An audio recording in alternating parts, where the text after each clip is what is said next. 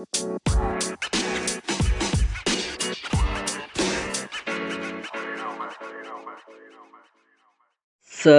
malam. So, come back again with me. JJ di sini. Ya maaf ya sorry gue kemarin-kemarin kayak keskip gak nge-podcast, gak ngasih materi lagi, gak ngelanjutin materi um, ya abis dari Portugis ke Belanda mestinya. Tapi ya gue ada beberapa trouble, beberapa problem RL gue dan harus diselesaikan. I mean, gue butuh waktu untuk healing. Soalnya kayak ya udahlah, gue bisa cerita ntar aja gue ceritain. Oke, okay, dan kemarin juga gue rada sedikit sakit, flu berat dan you know lah sekarang lagi pandemi dan ini emang serem banget. Jadi ya mau nggak mau gue harus menjaga kesehatan dulu dan gue harus cukup tidurnya juga dan harus ya pokoknya pola tidur gue harus di benar-benar diatur sih jadi hmm oke okay. gue mau bahas hal ini mau bahas itu namanya si Belanda datang ke Indonesia pemerintahan kolonial kolon pemerintahan kolonial di Indonesia. Nah pemerintahan pemerintahan kolonial di Indonesia itu Hmm, menjadi bagi jadi tiga tahap ya. Menjadi bagi tiga tahap itu ada Jep, uh, Belanda dulu Belanda habis itu Inggris. Inggris sempat nge ngejajah kita. Dan habis itu si Jepang. Nah Jepang itu tapi ntar aja kalau udah gue bahas semuanya ya jadi gue biasa satu gue akan bahas sekarang uh, dia si Belanda tuh datang di Indonesia kapan sampai uh, pendiriannya VOC uh, apa organisasi dagangnya dia. Dan uh, kita dari Howard Howard Howard Herman William Dendels kebijakannya terus John William Jensen Van den Bos jadi ya kita akan bahas itu. Dan perlawanan-perlawanannya. Perlawanan-perlawanan di daerah itu ada apa aja? Selama tahun-tahun Belanda menjajah Indonesia. So stay tuned.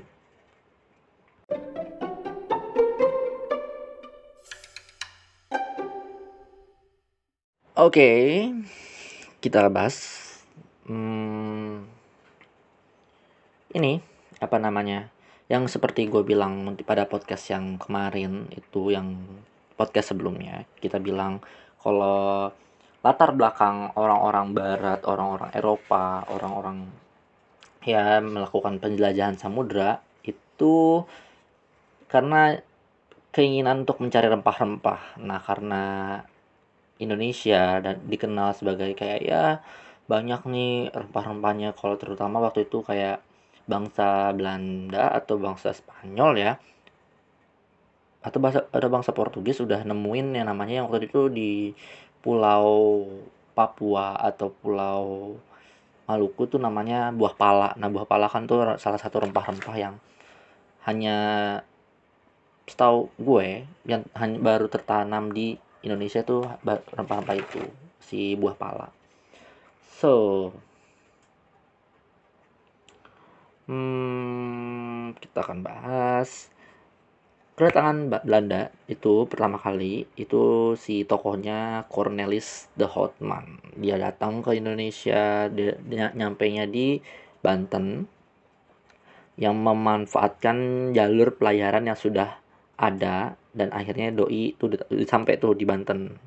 Nah, uh, tapi yang unik di sini doi diusir, diusir sama orang-orang Banten karena songong dia dia congkak songong sombong lah istilahnya gitu. Akhirnya diusir dia, dia balik lagi ke Belanda tapi pada tahun 1598 Belanda di bawah Jacob van Neck nih gue sebutin lagi Jacob van Neck itu tiba di Banten.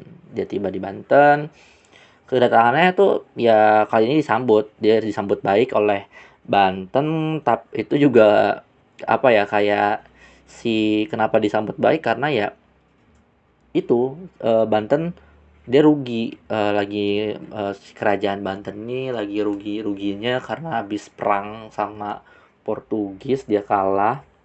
Akhirnya dia merangkul lah tuh si Belanda. Nah itu Belanda itu itu langsung juga di tahun yang sama Belanda mendatangi Maluku dan disambut baik oleh rakyat Maluku. Nah, karena si Belanda ini datang, yang waktu pas gue bilang kemarin, si Portugis dia mengungsi ke dia dia, uh, dia mengungsi ke timur timur tuh nah tahun 1602 si Belanda ini mendirikan yang namanya Federasi Dagang lah. Federasi Dagang Perkumpulan Usaha Dagang yang disebut VOC VOC itu singkatan dari uh, ini uh, dia merupakan singkatan dari Verenigde Oost Indies Company. Nah, kalau tulisannya uh, letternya itu V E R E E N I G D E O O S T Indies C H E Company. Company kayak company bahasa Inggris biasa. Tuh gue disebutin ya. Nah, dia dipimpin si si VOC ini mempunyai kayak apa ya dia tuh punya kayak kalau kita tuh bilangnya setingkat menteri kali ya menteri kayak di ini jabatan paling tinggi lah tuh si jenderalnya nah jenderalnya itu uh, kalau di situ kalau di tahun itu bilangnya gubernur jenderal. Gubernur jenderal pertamanya itu pertama kali itu si Peter Boat nah Peter Boat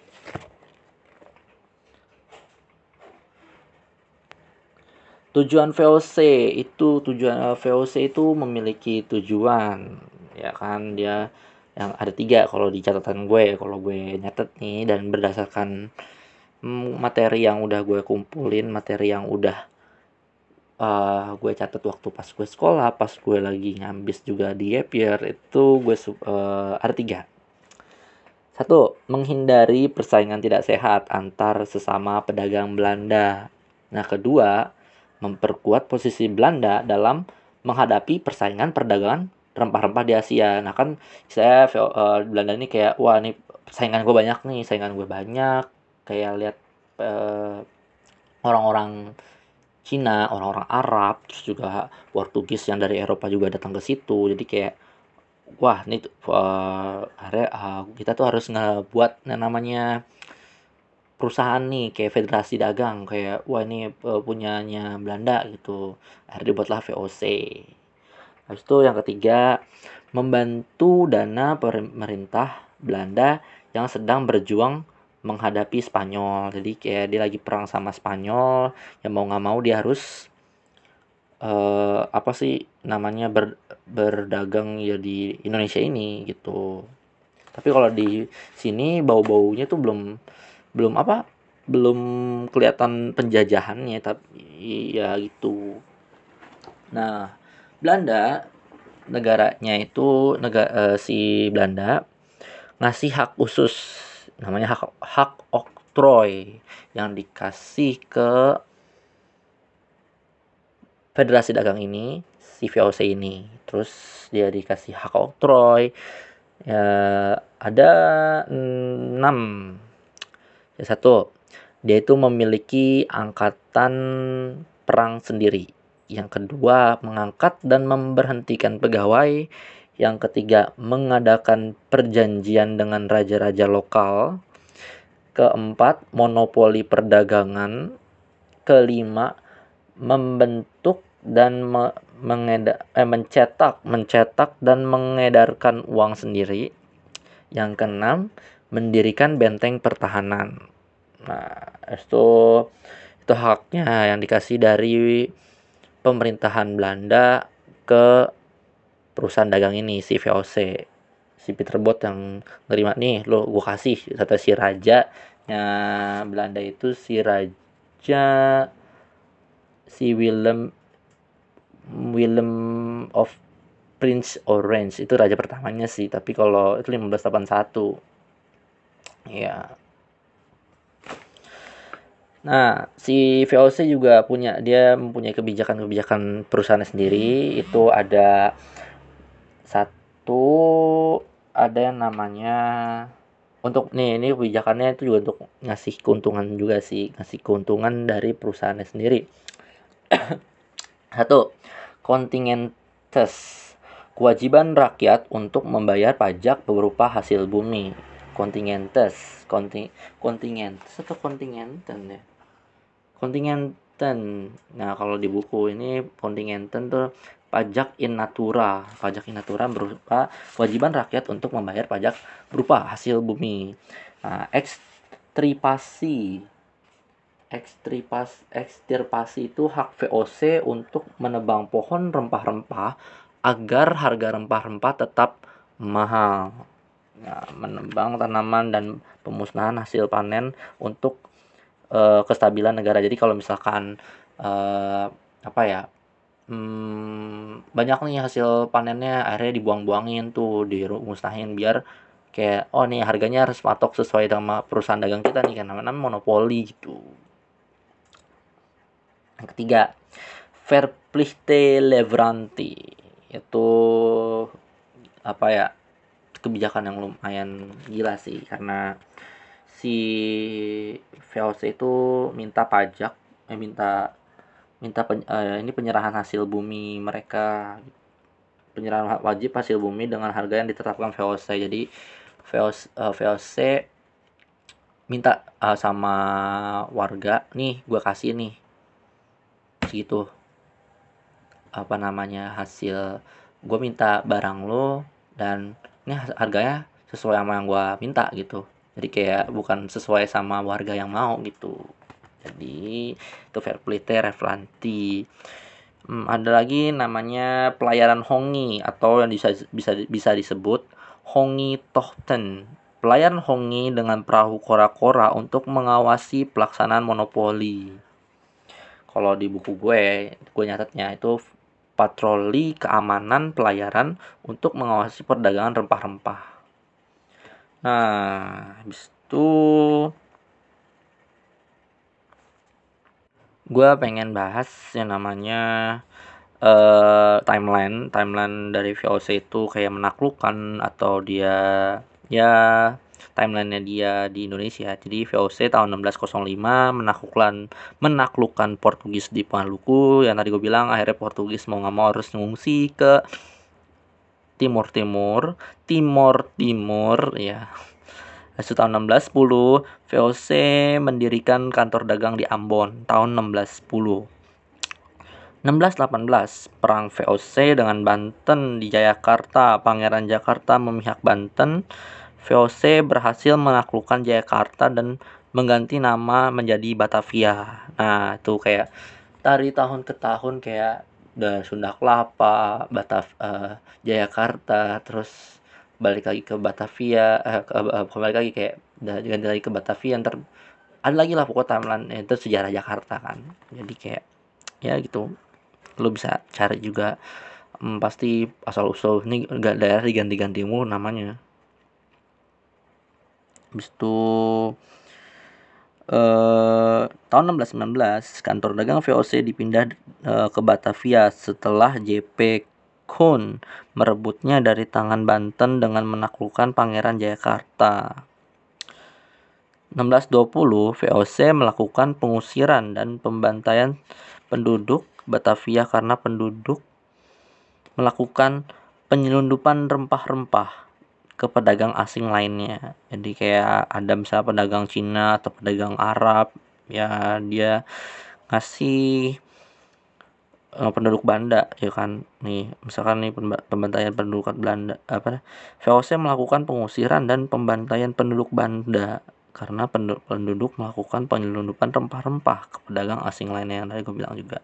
Itu gue ulangin lagi. 1640 VOC merebut Malaka dari Portugis.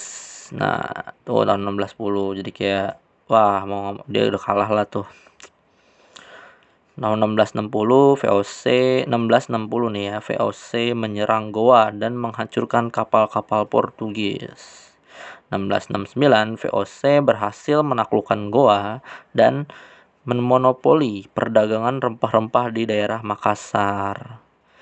Tahun 1682 VOC berhasil menaklukkan Banten dan memonopoli perdagangannya di sana. Terus 1740 VOC membantai penduduk Tionghoa di Batavia karena memberontak terhadap VOC.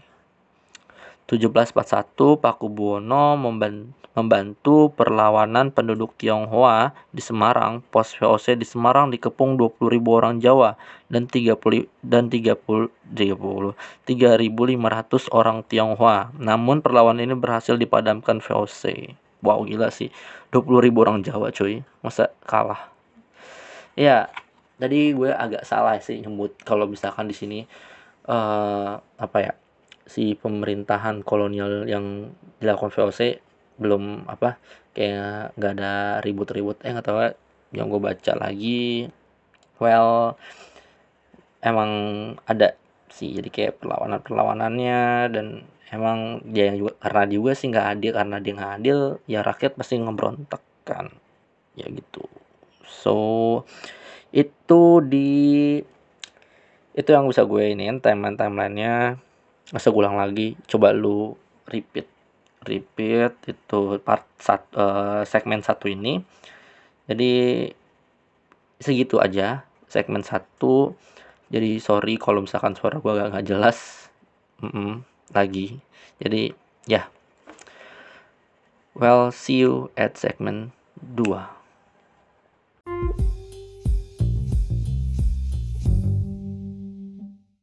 Oke, balik lagi dengan gue JJ. Jadi gue, gue suara gue kayak lemes banget ya, sorry. Wait, wait, gue minum dulu sebentar. Hmm, mungkin 15 detik dari sekarang.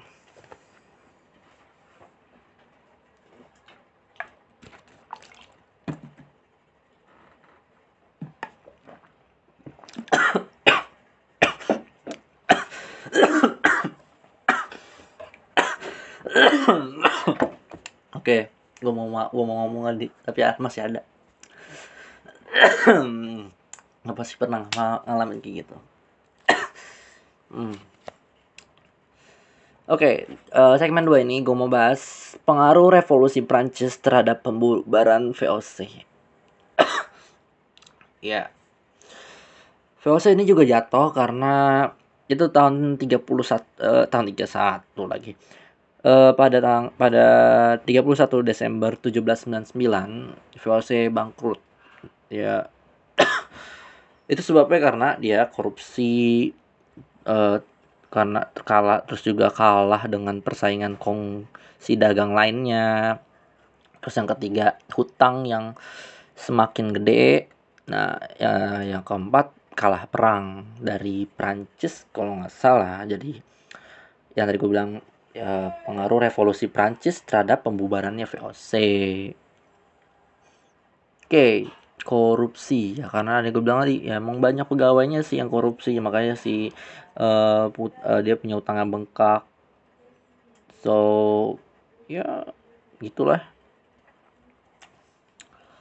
So, nih gue bahas lagi 1795 Belanda mengalami kekalahan pada perang koalisi satu menghadapi Napoleon Bonaparte. Kalau tulisannya Napoleon, tapi kita ngomongnya tuh kalau bahasa Prancis kayak Napoleon Bonaparte. Napoleon. Padahal tulisannya Napoleon. Napoleon Akhirnya Belanda dikuasai Napoleon dan Napoleon mendirikan Republik Batavia, sebuah pemerintahan boneka di bawah Napoleon. Keluarga keturunan Willem of Prince Orange mengungsi ke Inggris dan mendirikan pemerintahan Belanda sementara. Raja Willem V, Raja Willem V itu tulisannya, Raja Willem V mengeluarkan surat-surat Kew yang memerintahkan daerah jajahan Belanda diserahkan ke Inggris agar tidak jatuh ke tangan Prancis. tahun 1800 penguasa Republik Batavia resmi membubarkan VOC tadi gue bilang karena korupsi yang merajalela dan monopoli perdagangan bertentangan dengan semangat liberalisme revolusi Prancis. Kekuasaan VOC diambil alih oleh pemerintahan Batavia yang di tangan si Prancis uh, di bawah apa namanya di bawah itu di bawah naungan eh, bonekanya si Prancis ya. Nah tadi yang gue bilang kan tahun tahun pokoknya ini tahun 1807 Perancis mengambil alih Belanda setelah menang dari perang koalisi berakibat Republik Batat Belanda dihapus oleh Napoleon Bonaparte. Nah, Napoleon Bonaparte itu ditunjuk nih eh, menunjuk Herman Willem Dendels, Herman William Dendels, Herman Willem Dendels, Dendels tuh. Gubernur Jenderal baru uh, dia itu ditunjuk untuk uh, menjadi gubernur Hindia Belanda. Kebijakan Dendels antara lain nih ada uh, kebijakannya itu tugas utamanya dia sih mencegah dan mempertahankan Pulau Jawa dari serangan Inggris. Nah, tapi dia juga mempunyai kebijakan-kebijakan. Salah satunya mengerahkan tenaga kerja Rodi untuk membangun jalan raya pos Poswek, Anyer, sampai Panarukan. Nah, yang kedua, untuk memperoleh dana dalam rangka pembangunan Poswek, diterapkan aturan Preanger Stelsel tanam paksa kopi di Priangan. Tuh Preanger Stelsel nah yang ketiga itu mendirikan banyak gudang senjata benteng-benteng pertahanan rumah sakit tentara, dan menambah jumlah angkatan perang. Yang keempat, membuat tiga jenis pengadilan, yakni pengadilan untuk orang Eropa, pribumi, dan orang timur asing. Yang kelima, membentuk Dewan Pengawas Keuangan Negara, Algemene, Algemene, Algemene, kok gue nggak ini, tulisan gue nggak jelas, gue nggak bisa baca. Pokoknya Allgemeine Pakenkunen Pakenkunen Pakenkunen Allgemeine Pakenkunen Nah, pada masa Dendels muncul tanah-tanah partikelir. Tanah partikelir adalah tanah rakyat yang dijual kepada pengusaha swasta asing seperti bangsa Belanda, Cina, Arab, dan sebagainya.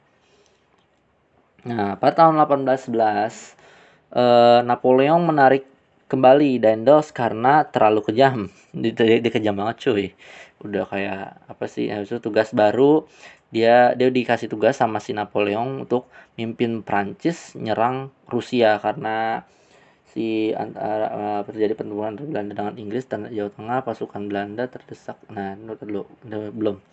Nah habis itu si Jan Willem Jensen ditunjuk untuk gantiin si Dendels namanya Jan Willem Jansen ditunjuk untuk mengganti Daendels.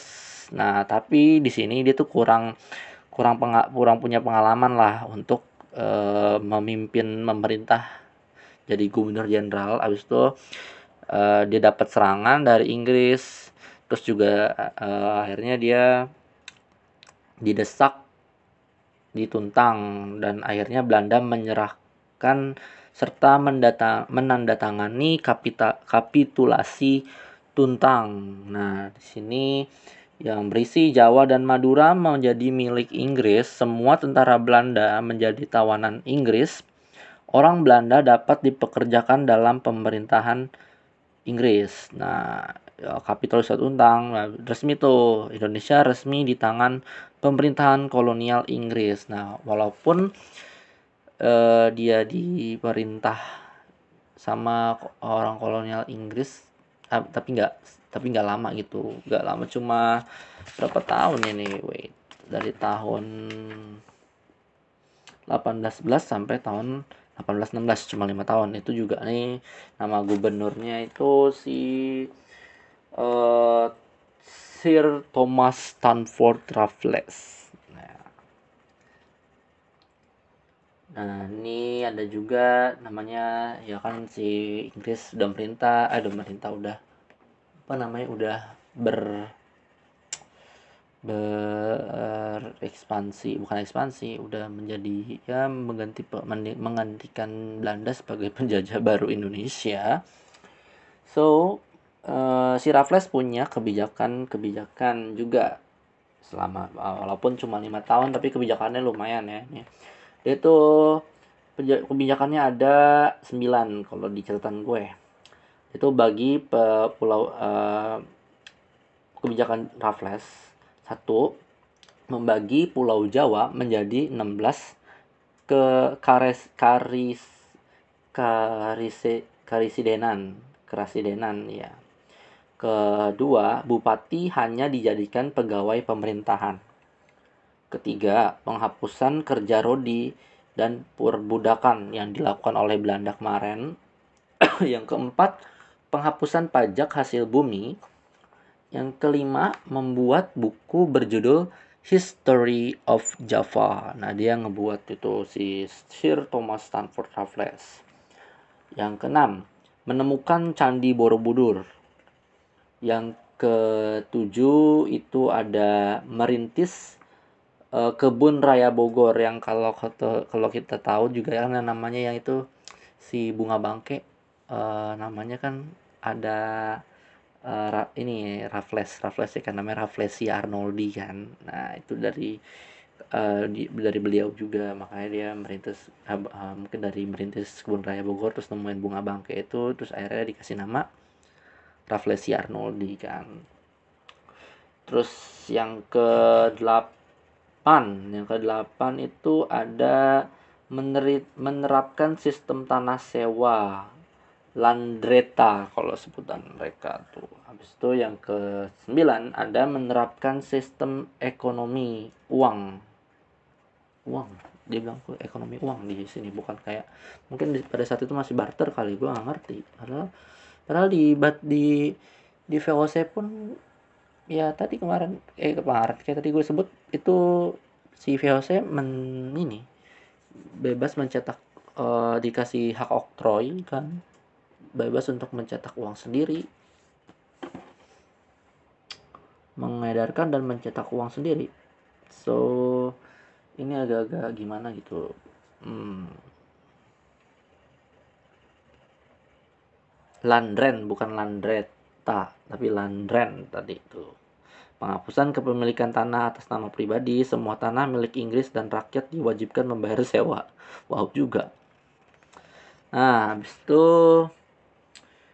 berlangsung cuma lima tahun 1811 sampai 1816 nah berdasarkan uh, Convention of London uh, penyerahan kembali Indonesia uh, ke kepada Belanda itu well gue di sini gue akan bacakan lagi. Hmm, cuma kalau itu ini daerah Maluku doang sih daerah Maluku eh, harus diserahkan Inggris kepada Belanda. Itu konvensi London. Tapi lap, tahun berikutnya tahun 1815 eh, perang Napoleon berakhir. Sesuai dengan konvensi Wina, diputuskan bahwa Inggris harus mengembalikan Jawa kepada Belanda.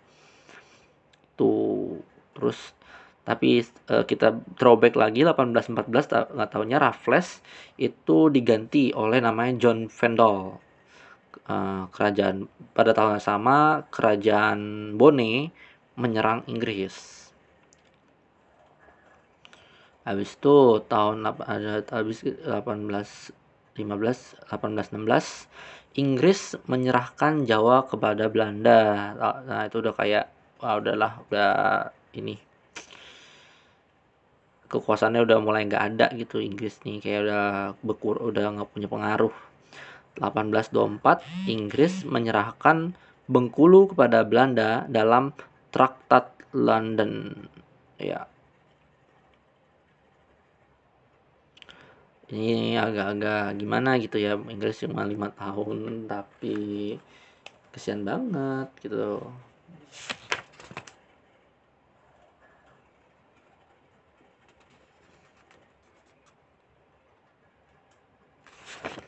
Nah, ini ada namanya tadi kan ada gue sebutin lagi ada konvensi London, konvensi Wina sama Traktat London. Konvensi London itu tadi uh, daerah Maluku yang diserahin Inggris. Nah, kalau konvensi Wina itu Jawa, Jawa. Kalau uh, Traktat London itu Bengkulu yang diserahin. Jadi ada tiga uh, konvensi London, konvensi Wina, sama Traktat London. Nah, habis itu sini ada namanya lagi. Sebelum kita ke Van den Bos, kita ada namanya pemerintahan komisaris jenderal komisaris uh, pemerintahan komisaris jenderal itu dari uh, timeline 1816 sampai 1830. Setelah konvensi London dan konvensi Wina, wilayah Inggris harus dikembalikan kepada Belanda. 1819 sampai 1826, Gubernur Jenderal van der Kapellen, Kapellen berkuasa kebijakan berkuasa. Kebijakannya adalah melanjutkan sistem tanah Raffles pada masa ini Belanda menghadapi perlawanan Patipura, Patimura, Pangeran Diponegoro serta kaum padri dipimpin oleh tuanku Imam Bonjol. Tahun 1819 sampai tahun 1826.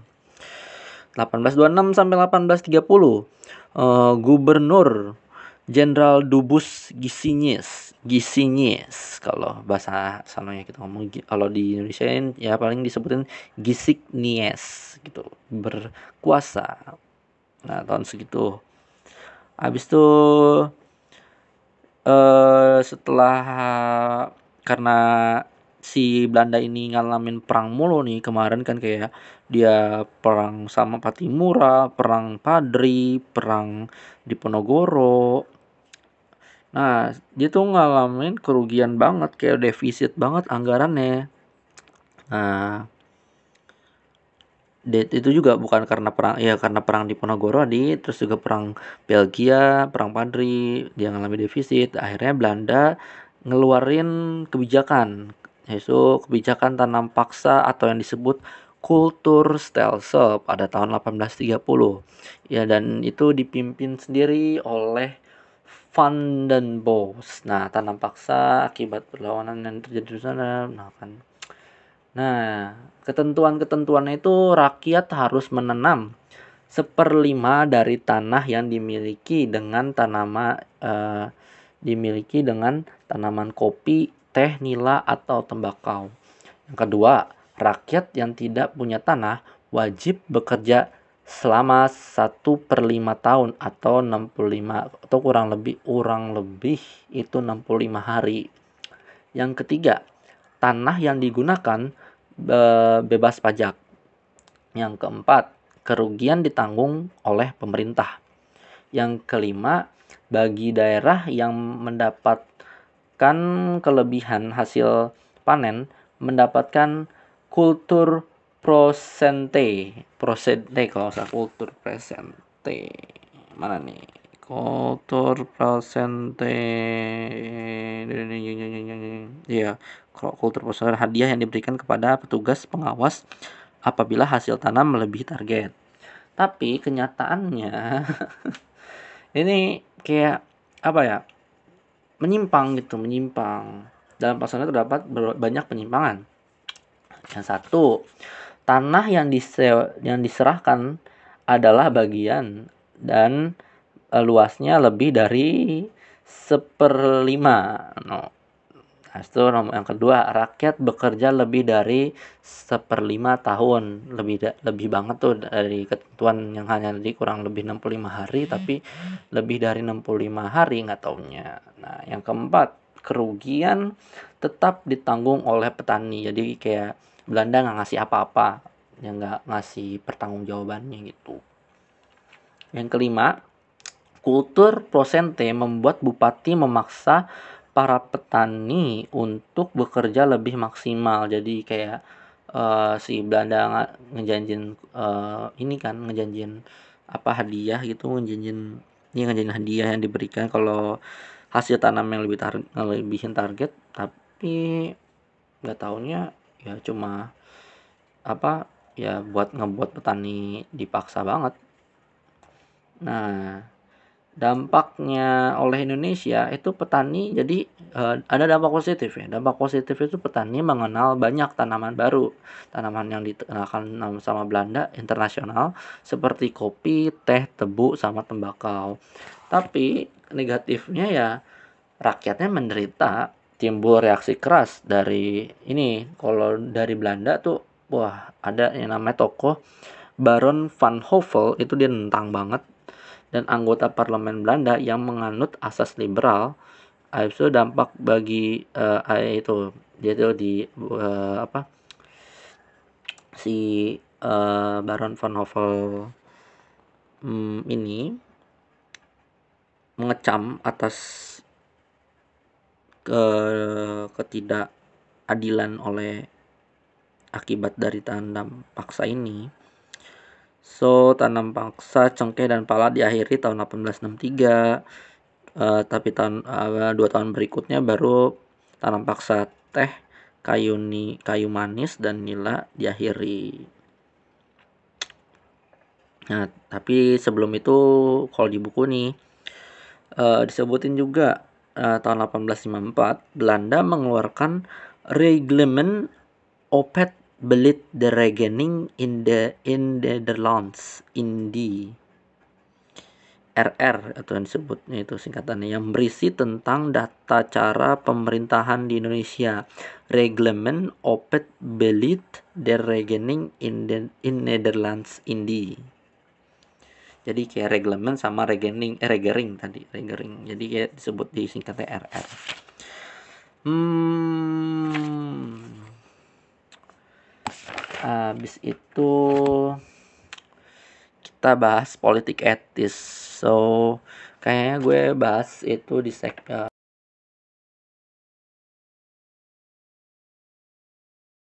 tiga. Jadi gue istirahat dulu gue mau minum dulu. So stay tune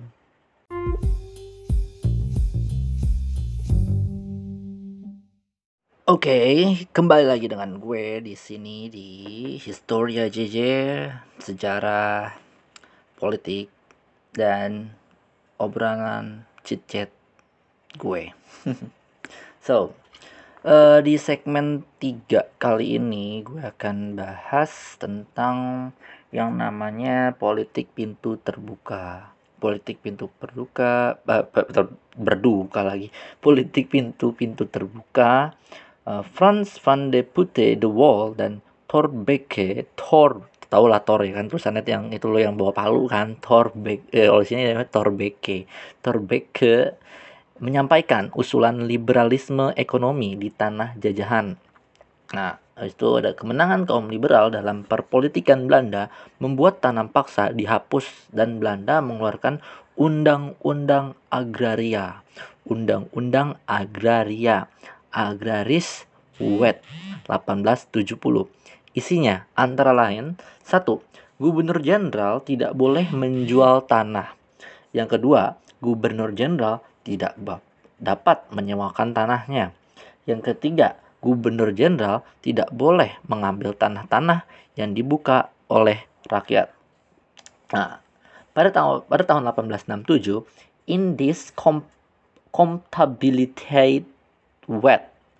Comptabilitate wet. Mungkin kalau bahasa Belanda ngomong gini kalau bahasa Jerman sih EI kan jadi I kan. Jadi kalau gue comptabilitate wet. Itu kalau bahasa Jerman. Tapi kalau bahasa Belanda gue nggak tahu deh gimana. Uh, ini dikeluarkan berisi tentang pembendarahan pembendara pembendarahan pembendarahan kali ah pembendaharaan ya bendahara. Keuangan Hindia Belanda karena nama Indis. Indis kan Hindia. 1870 Agraris Sebesluit. Dikeluarkan yang mengatur hak kepemilikan tanah dan jenis hak penyewaan tanah oleh pihak swasta. Pengusaha Eropa beramai-ramai menanamkan modalnya di Hindia Belanda. Jadi kayak lo tau lah kayak Unilever, ah, bukan Unilever apa ya? Philips, nah terus juga Frisian Flag yang setahu gue emang itu kan dari dulu itu bawaannya si Belanda nah terus uh, Suikerwet diguna, dibuat untuk mengatur tentang produksi dan distribusi gula. Suikerwet. 1880, Coeli Ordonanti, peraturan kuli. Uh, Oke, itu bahasa Indonesia. Yang kalau kita itu namanya kuli, kuli bangunan. Itu kan kuli ya istilahnya kuli. Nah, ini uh, diadaptasi oleh bahasa Belanda, Coeli, kuli. Ya. Kuli Ordonanti, peraturan kuli dibuat untuk mengatur hubungan kerja antara buruh dengan pengusaha. Nah, tahun 1880 juga, Poenal Sancti adalah hukuman bagi para kuli yang melanggar kuli ordonanti. Punal Sancti. Oh, berarti Sancti itu kalau berarti diadaptasi juga oleh sanksi. Sanksi Sancti. S A S A N C T I E itu tulisannya. 1885 Belanda membentuk Mindere Vel Mindere Welvaartscommissie. Berarti itu uh, kalau di ini di Indonesia ini uh, Mindere Well F A A R T S Komisi uh, C O M M I S I E Panitia Kemerosotan Kemakmuran. Hah, kemerosotan kemakmuran dipanitiain anjir untuk meneliti kemerosotan penduduk. Hmm, oke. Okay. Tahun 1900, kebijakan ekonomi liberal dihapuskan karena kemerosotan kesejahteraan penduduk dan krisis perkebunan. Nah, dari tahun dari habis itu tuh lagi e, karena si Baron van Hofel terus juga apa namanya si Dowes Dekker itu menulis Max Havelaar dan di Baran Van Hofel juga komentar di majalah atau dia buat buku juga gue lupa. Jadi itu jadi faktor kayak itu kritikan keras juga yang si Baran Van Hofel bersama parlemen juga dia keras karena kita kan liberal woi masa kita begitu sih? Jadi akhirnya dilaksanakannya politik etika etische politik atau kita bisa bisa disebut juga politik etis bahasa Indonesia nya uh, pada uh, pelata, uh, dilaksanakannya politik etis sebenarnya bukan uh, karena bangsa Belanda benar-benar merasa berutang budi, melainkan karena kebutuhan Belanda sendiri, baik kalangan pemerintah maupun swasta Belanda membutuhkan tenaga pribumi yang terampil dan terdidik yang bisa digaji murah. Nah, itu dari politik pintu-pintu terbuka. Hmm, mungkin kalau gue ngomong ada yang kurang atau apa yang menurut kalian ini kalian bisa komen bisa bisa mm, mention aja di jeruk limo jeruk uh, limo uh, 4 so abis itu kita sekarang kita uh, pengen uh, kita pengen gue pengen bahas itu perlawanan uh, perlawanan uh, nih perjuangan rakyat melawan pemerintah kolonial. Nah, pro itu di sini adalah uh, kalau bisa dia sebutin. Nanti habis habis habis gue bahas perjuangan rakyat gue bahas baru itu pergerakan nasional. Karena under baru bahas di situ lebih detailnya politik etis. So um, Oke segitu dulu. Ini part 3 gue akan bahas part 4 so maaf banget kayak sebentar banget. So stay tune.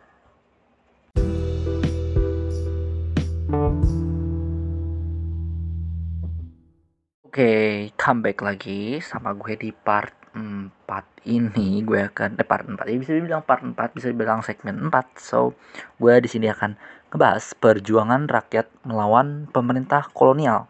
Jadi hmm, perlawan uh, di sini gue akan ada lagi part-partnya ya. Hmm, ya. So, uh, dibagi menjadi tiga tahap itu ada rakyat terhadap Portugis, rakyat terhadap VOC dan rakyat terhadap Belanda. So, yang pertama, uh, rakyat terhadap Portugis itu ada perlawanan Demak sama perla perlawanan Aceh. Nah, perlawanan Demak ini uh, sebabnya itu ingin memutus hubungan perdagangan antar Portugis dengan Pajajaran. Nah, tokohnya itu Fatahillah dan berakhir Portugis berakhir eh berhasil dipukul mundur. Sunda Kelapa diganti Jayakarta. Uh, itu Fatahillah berhasil. Nah, itu perlawanan Aceh. Perlawanan Aceh uh, sebabnya meng mengusir Portugis dari Malaka dan melakukan ekspansi. Tokohnya itu Sultan Iskandar Muda dibantu oleh uh, Adipati Unus dari Demak. Akhirnya pertempuran dimenangkan oleh Portugis, jadi Aceh kalah. Uh, uh, uh, kita masuk ke rakyat terhadap VOC. Perlawanan Mataram 1 dan 2 sebabnya keinginan Sultan Agung untuk mewujudkan cita-cita uh, Raks Java terhalang oleh VOC yang ada di Batavia. Nah, tokohnya itu ada Sultan Agung uh, Han Hanyongkro Han hmm, Hanyokro Kusumo. Uh, berakhir Sultan Agung mengalami kekalahan. Nah, si VOC menang. Terus yang kedua, berlawanan lagi nih Mataram 2. Sebabnya itu Amang Kurat satu bekerja dengan VOC, tokohnya uh, Sultan Trenggono uh, dan Untung Senop, Se, Su, Untung Suropati. Berakhir berakhir perlawanannya ini dapat dilumpuhkan uh, dan lahir perjanjian Gianti dan Salatiga. Nah, perjanjian Gianti dan Salatiga itu Nah, di sini gue pengen bacain perjanjian Gianti dan perjanjian Salatiga. Itu ada di sini perjanjian Salatiga ditandatangani oleh pewaris tahta Mataram Pangeran Mangkubumi, VOC dan Pangeran Sumber Nyawa pada 17 Maret 1757. Perjanjian ini bertujuan menyelesaikan konflik yang terjadi pasca perebutan kekuasaan yang mengakhiri Kesultanan Mataram. Dalam urutan waktu, perjanjian Salatiga terjadi setelah kerajaan Mataram pecah menjadi dua bagian sebagai hasil dari perjanjian perjanjian Gianti pada 13 Februari 1755. Pada perjanjian Gianti, Mataram secara de facto dan de jure, de jure telah berakhir sebagai sebuah pemerintahan kerajaan yang independen. Jadi Mataram uh, udah diakuin tuh tanggal uh, 13 Februari 1755. Hmm, habis itu ya secara itu uh, perjanjiannya dan well um, cuma dua tahun berselang. Jadi gue habis itu perlawanan Banten. Perlawanan Banten sebabnya menolak monopoli VOC di Banten. Hmm, tokohnya Sultan Ageng Tirtayasa berakhir VOC yang memanfaatkan Sultan Ageng hingga tercipta Perjanjian Banten. Nah, nah itu ada di ada lagi yang ketiga perlawanan Makassar. Perlawanan Makassar sebabnya menolak monopoli yang terjadi di Makassar. Tokohnya yang menolak itu Sultan Hasanuddin. Berakhir VOC memanfaatkan Aru Palaka berhasil mengalahkan Hasanuddin dan menghasilkan perjanjian Bungaya. Hmm, ya yang gue tahu juga ini kayak semacam kong kali kong dari, uh, kerajaan gua bukan Guatalo, entah iya kerajaan Bone sama kerajaan Guatalo yang istilahnya berontak dan, uh, bukan bukan iya berontak dalam dalam kerajaannya si Sultan Hasanuddin yang dipimpin, habis itu dia berkhianat, kayak bukan berkhianat ya, hmm, ya pokoknya pengen dapat tanah jajah tanah pengen dapat kekuasaan lah intinya. Habis itu baru mau nggak mau dia harus bekerja sama sama si VOC untuk mendapatkan kekuasaan itu. Nah itu ter yang tadi Portugis sama si VOC dan selanjutnya gue mau bahas uh, yang Belanda ini. Hmm.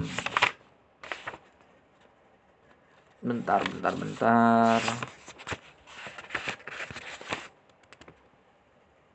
Nah ada yang namanya perlawanan uh, yang ini uh, di daerah Maluku tahun 1817. Latar belakang rakyat menolak konvensi London yang menyatakan Belanda kembali ke Maluku. Tokohnya itu ada Thomas Matulesi yang dikenal sebagai Kapiten Patimura, Anthony Rebok, Philip Latu Latu Latu Latunahina. Habis itu yang ketiga Christina Mar Marta Tiahahu. Nah, itu tokoh-tokoh yang kita kenal di pahlawan nasional tuh.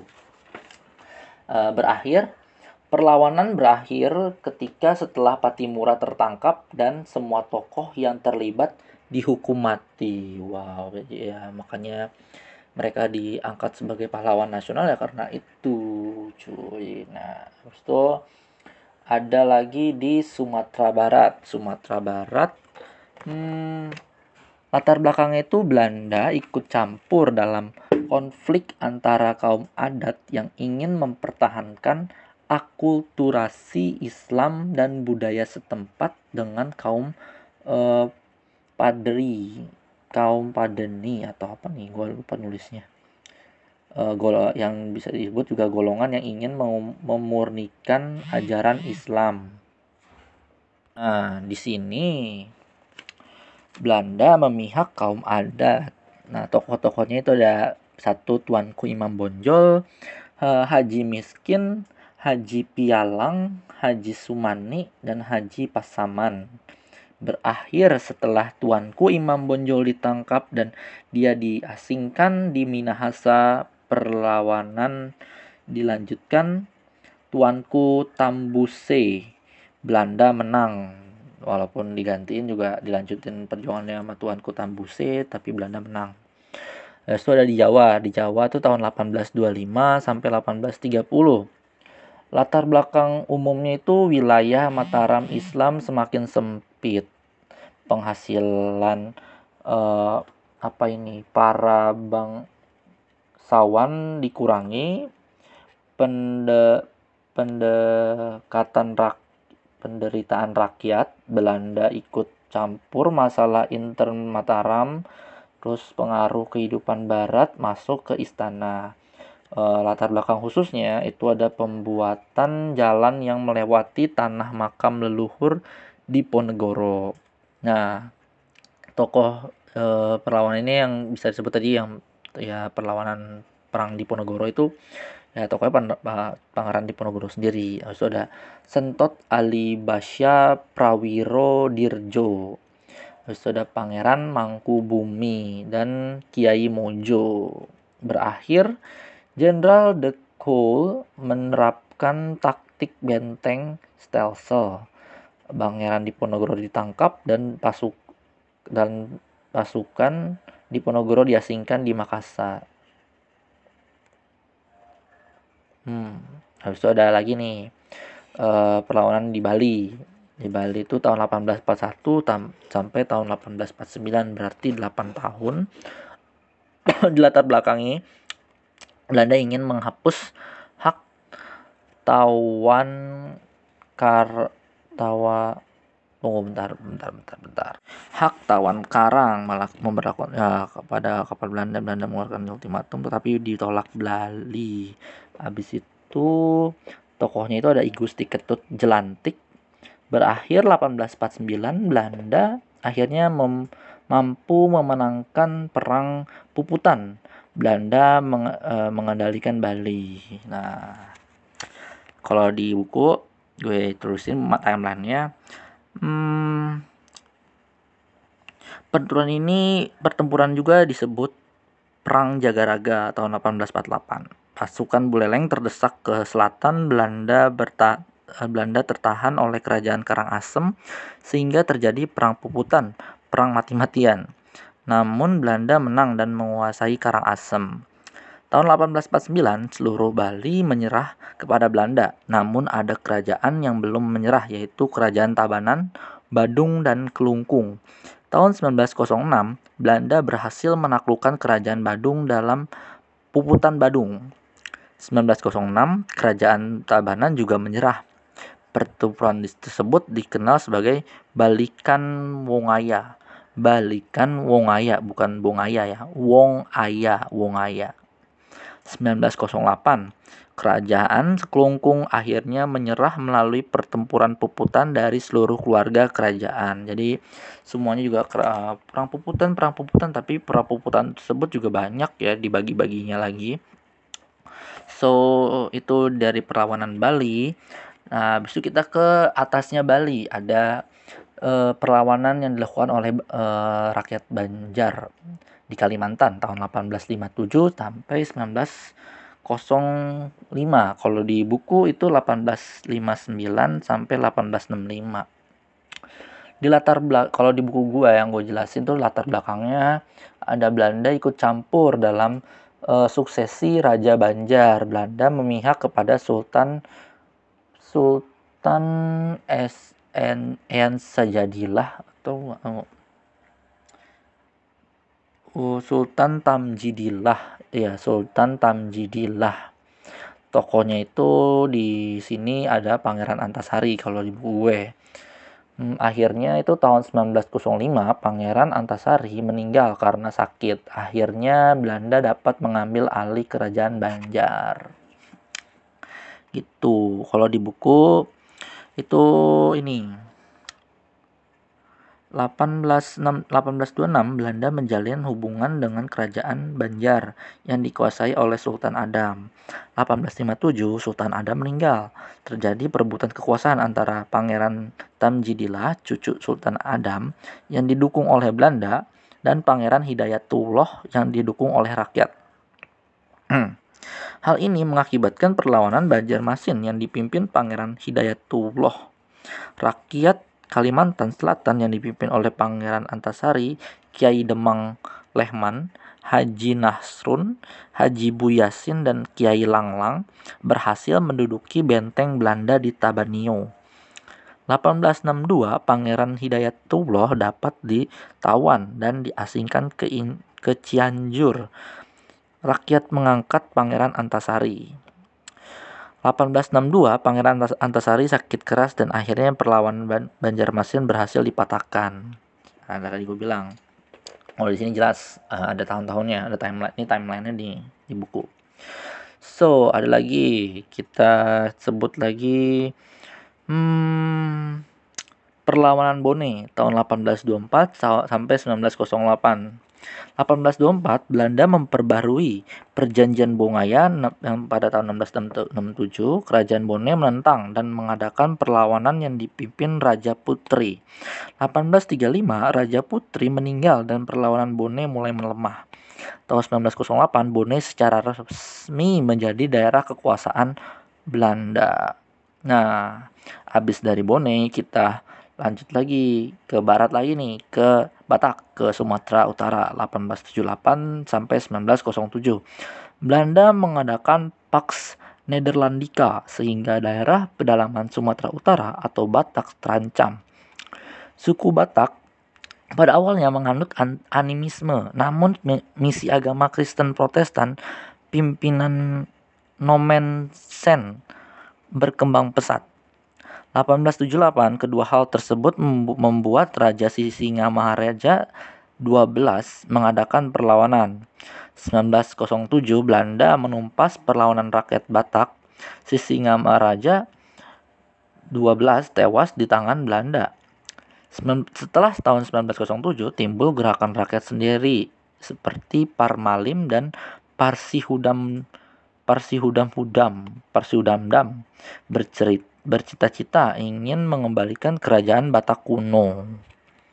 Tapi kalau di buku gue bilangnya Belanda menduduki Tapanuli, tokohnya itu Sisingamaraja 12, akhirnya Belanda mengutus pasukan Marsis yang dipimpin oleh Letkol van Dalton. Sisingamaraja tewas tertembak. Kalau di buku gue sebut gitu. Kalau di kalau itu eh bukan buku gue di catatan. Kalau di buku tadi itu timeline timelinenya gue jelasin tahun 1878 tahun 1907 sama di buku juga begitu. Nah, ada lagi ya, ini yang terakhir kita bukan terakhir sih. Kalau di buku gue yang terakhir, tapi kalau di kalau di buku ini di buku gue bukan yang terakhir, sorry. Kalau di catatan gue yang terakhir gue nyatetnya. Tahun 1878 sampai tahun 1912 itu juga ada terjadi kita ke lebih utaranya Sumatera, yaitu Aceh. Latar belakangnya itu ada latar belakang umum, ada latar belakang khusus. Latar belakang umumnya adanya perjanjian Siak. Nah, adanya dan yang kedua adanya Traktat Sumatera, Treaty of Sumatera. Khususnya itu latar belakang khusus Belanda menyerang Raj, uh, kota raja. Tokohnya itu ada Teku Umar, Tuku Cikditiro, Panglima Polim, Cut Nyakdin, Cut Mutia, dan Muhammad Dawud Syah. Uh, berakhir, Belanda menerapkan konsentrasi camp Stelsel untuk menghadapi rakyat Aceh. Yang kedua, Belanda mengurus Snok Hugrunge untuk menjadi mata-mata di Aceh. Belanda mengurus tentara Man Marsos untuk melumpuhkan rakyat Aceh. Tahun 1904, Van Hoots mengeluarkan plakat rendu yang berisi mengaku dan tunduk kepada Belanda, patuh pada aturan-aturan yang dibuat Belanda, tidak akan berhubungan dengan negara lain kecuali Belanda. Itu tadi. E, mengaku dan tunduk, patuh pada aturan-aturan. Yang ketiga tidak akan berhubungan dengan negara lain. So itu di catatan gue kalau di buku gue bisa sebutin timelinenya itu ada tahun 1824 tanda-tanda mulanya persetujuan Aceh dengan Belanda diawali oleh Traktat London. Belanda dalam perjanjian tersebut mendapatkan kembali daerah jajahannya di Sumatera. Yang tadi gue bilang Traktat London itu kan di Bengkulu ya awalnya, tapi lama-lama meluas ke atas-atasnya Sumatera. Nah, tahun 1871 keadaan mulai bertambah buruk ketika di, ketika ditandatangani Traktat Sumatera antara Inggris uh, dengan Belanda. Belanda diberi kekuasaan untuk mengadakan perluasan di seluruh Sumatera, termasuk Kesultanan Aceh. Perluasan ini dikenal dengan Pax Nederlandica. Well, well, well. Hmm. 1873 bangsa Aceh uh, diultimatum oleh Belanda harus mengakui bahwa Belanda adalah bangsa yang dipertuan di Aceh dan agar Aceh menyetop hubungan dengan negara asing. Namun Sultan Aceh malah menganggap hal ini sebagai penghinaan dan akhirnya menyerang perang terhadap eh menyatakan perang terhadap Belanda. Pada tahun yang sama, penyerangan Belanda pada fase awal dipimpin oleh Jenderal Kohler pasukan yang dipimpin olehnya akhirnya berhasil membakar masjid raya yang dibangun oleh Sultan Iskandar Muda. Penyerangan ini gagal dan Jenderal Kohler akhirnya tewas tertembak. 1874 Belanda berhasil merebut Aceh Besar di bawah pimpinan Jenderal van der Heyden. 1874. 10 tahun kemudian 1884, perang gerilya Aceh membuat Belanda menerapkan strategi Gecon Geson Centredelini. 1893, Tuku Umar bekerja sama dengan Belanda. Namun Cutnya, Cut Nyakdin, istrinya, membujuk agar melawan Belanda agar uh, agar melawan Belanda karena telah menyengsarakan rakyat. Tuku Umar tetap bekerja sama dengan Belanda namun dengan tujuan melucuti persenjataan Belanda. Wow, hebat juga ya. Saya kayak berkhianat gitu loh. 1896 setelah cukup kuat dan persenjataannya persenjataan yang dilucuti sudah banyak, akhirnya Tuku Umar e, menyerang balik Belanda. Dalam fase ini, Belanda menggunakan cara pendekatan budaya untuk menaklukkan Aceh lewat penyelidikan penyelidikan seorang ulama dari Belanda yang bernama Abdul Ghaffar alias seorang orientalis Belanda yang bernama Senuk Hurgronj yang tadi gue bilang tuh di tulis uh, di catatan gue. Dalam penyamarannya sebagai ulama, dia menyimpulkan ulama harus dilawan dengan kekerasan atau dibunuh dan perlunya pemisahan kekuatan ulama dengan kaum bangsawan. Strategi ini berhasil dan perlawanan rakyat Aceh berhasil dipatahkan. Tahun 1899, dalam pertempuran antara Belanda dengan Aceh di hutan Melaubuh, Akhirnya Tuku Umar tewas tertembak, ditembus peluru. Sembilan, eh, lima tahun berselang, 1904, akhirnya Tucut Naqdin ditangkap dan perjuangan rakyat Aceh berakhir dengan ditandatangani plakat pendek. Hmm, plakat pendek tahun 1904, ulang lagi. So, itu yang di buku gue. Uh, bu, uh, di buku dan di catatan gue di, di catatan gue Aceh terakhir tapi di buku ada lagi namanya pemberontakan petani pemberontakan petani penyebab perlawanan petani antara lain ada tiga petani membenci beban pajak belasting kedua keyakinan ratu adil yang membebaskan penderitaan. Ketiga kesewenangan bangsawan pemerintah kebangsa kes, uh, kesewenangan bangsawan pemerintah dan tuan rumah. 1886 pemberontakan petani Comas Bogor yang dipimpin oleh Moh Idris. 1890 pemberontakan Sasak Samin di Blora Jawa Tengah menolak pungutan pemungutan pajak Nah, ini lagi unik nih. Tahun uh, sudah mendekati perlawanan uh, tahun apa udah abad se-20 tahun 1916 Entong Gendut mengadakan pemberontakan petani di Condet, daerah Jaktim berarti ya, Jakarta Timur. Nah, tahun 1924 Kain, Kain memimpin petani menyerang para tuan tanah di Tangerang. Wow, Tangerang masuk. Wow. So, kayaknya itu dulu di part bagi part ya di part 4 di segmen 4 gue bahas uh, sudah selesai. Jadi hmm, kalau misalkan ada kekurangan atau apa pun yang gue sebabkan oleh gue sendiri yang disebabkan oleh gue sendiri gue minta maaf karena sejatinya manusia tempatnya salah juga. Dan ya apa namanya gue buat podcast ini karena gue juga pengen karena gue tuh seorang auditori jadi kalau gue ngomong apa pun yang gue omong itu biasanya gue nangkep. Ya pasti nangkep. Jadi ya para auditori semoga kalian terbantu oleh omongan gue di podcast ini. Jadi well sekali lagi gue minta maaf kalau adanya kekurangan-kekurangan materi atau apa pun itu. So uh, sampai berjumpa di podcast episode selanjutnya. Jadi episode selanjutnya itu ada yang kami bahas adalah hmm, namanya apa? Pergerakan Nasional Indonesia yang dimulai dari politik etis. So stay tune aja di podcast Historia JJ. Jadi goodbye, selamat malam.